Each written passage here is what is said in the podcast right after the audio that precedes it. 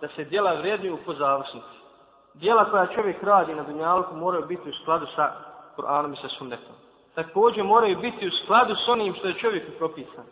Moraju biti u skladu s onim što je čovjeku propisano. Zato ne možemo, ne možemo naći da je čovjeku propisano jedno, da su propisana jedna djela, a da radi, a da radi druga djela. Zato što bi to bilo, jeli, što bi to bila manjkavost ne bi bila Allahovog znanja.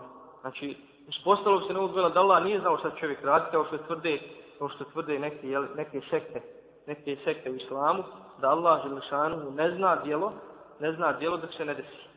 Znači, ljudska djela su po završnici. Onako kako čovjek završi, tako će biti prođenje kod uzvišenog Allaha Želešanu.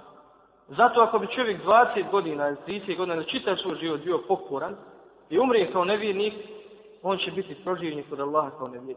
Tako isto čovjek ako radi čitav život dobra djela i bude od, od ovaj, hajli ljudi što kažu, pa se pretkrat, pretkrat pokvari, od, oda se razvratu.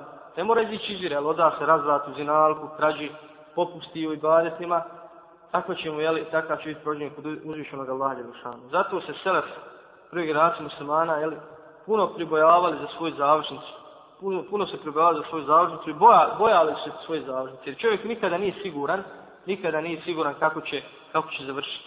Jer čovjekovo srce je između Allaha i dva prsta, okreće ga kako hoće. Zato poslanik sallallahu kaže tako mi onoga pored kojih drugog Boga nema, uistinu neko od vas radi djela stanovnika dženneta, tako da između dženneta i njega ostane samo koliko je lakat, pa ga pretekne ono što mu je propisano, radi djela stanovnika džehennama i uđe u tako isto je neko radi djela stanovnika džehennema, sve dok između njega i džehennema, znači pred kraj njegovog života, ne ostane koliko je ovaj, lakat, pa, pa, ga pretekne ono što mu je zapisano i radi djela stanovnika džennete i uđe u Ovo ne znači da Allah Đelšanu čovjeka usmjeri stvar da ga prisili na, na, na dobro ili na loše djelo. Allah Đelšanu je znao da će čovjek pred kraj svoga života popraviti se, pokajati se, krenuti pravim putem, pa mu jel?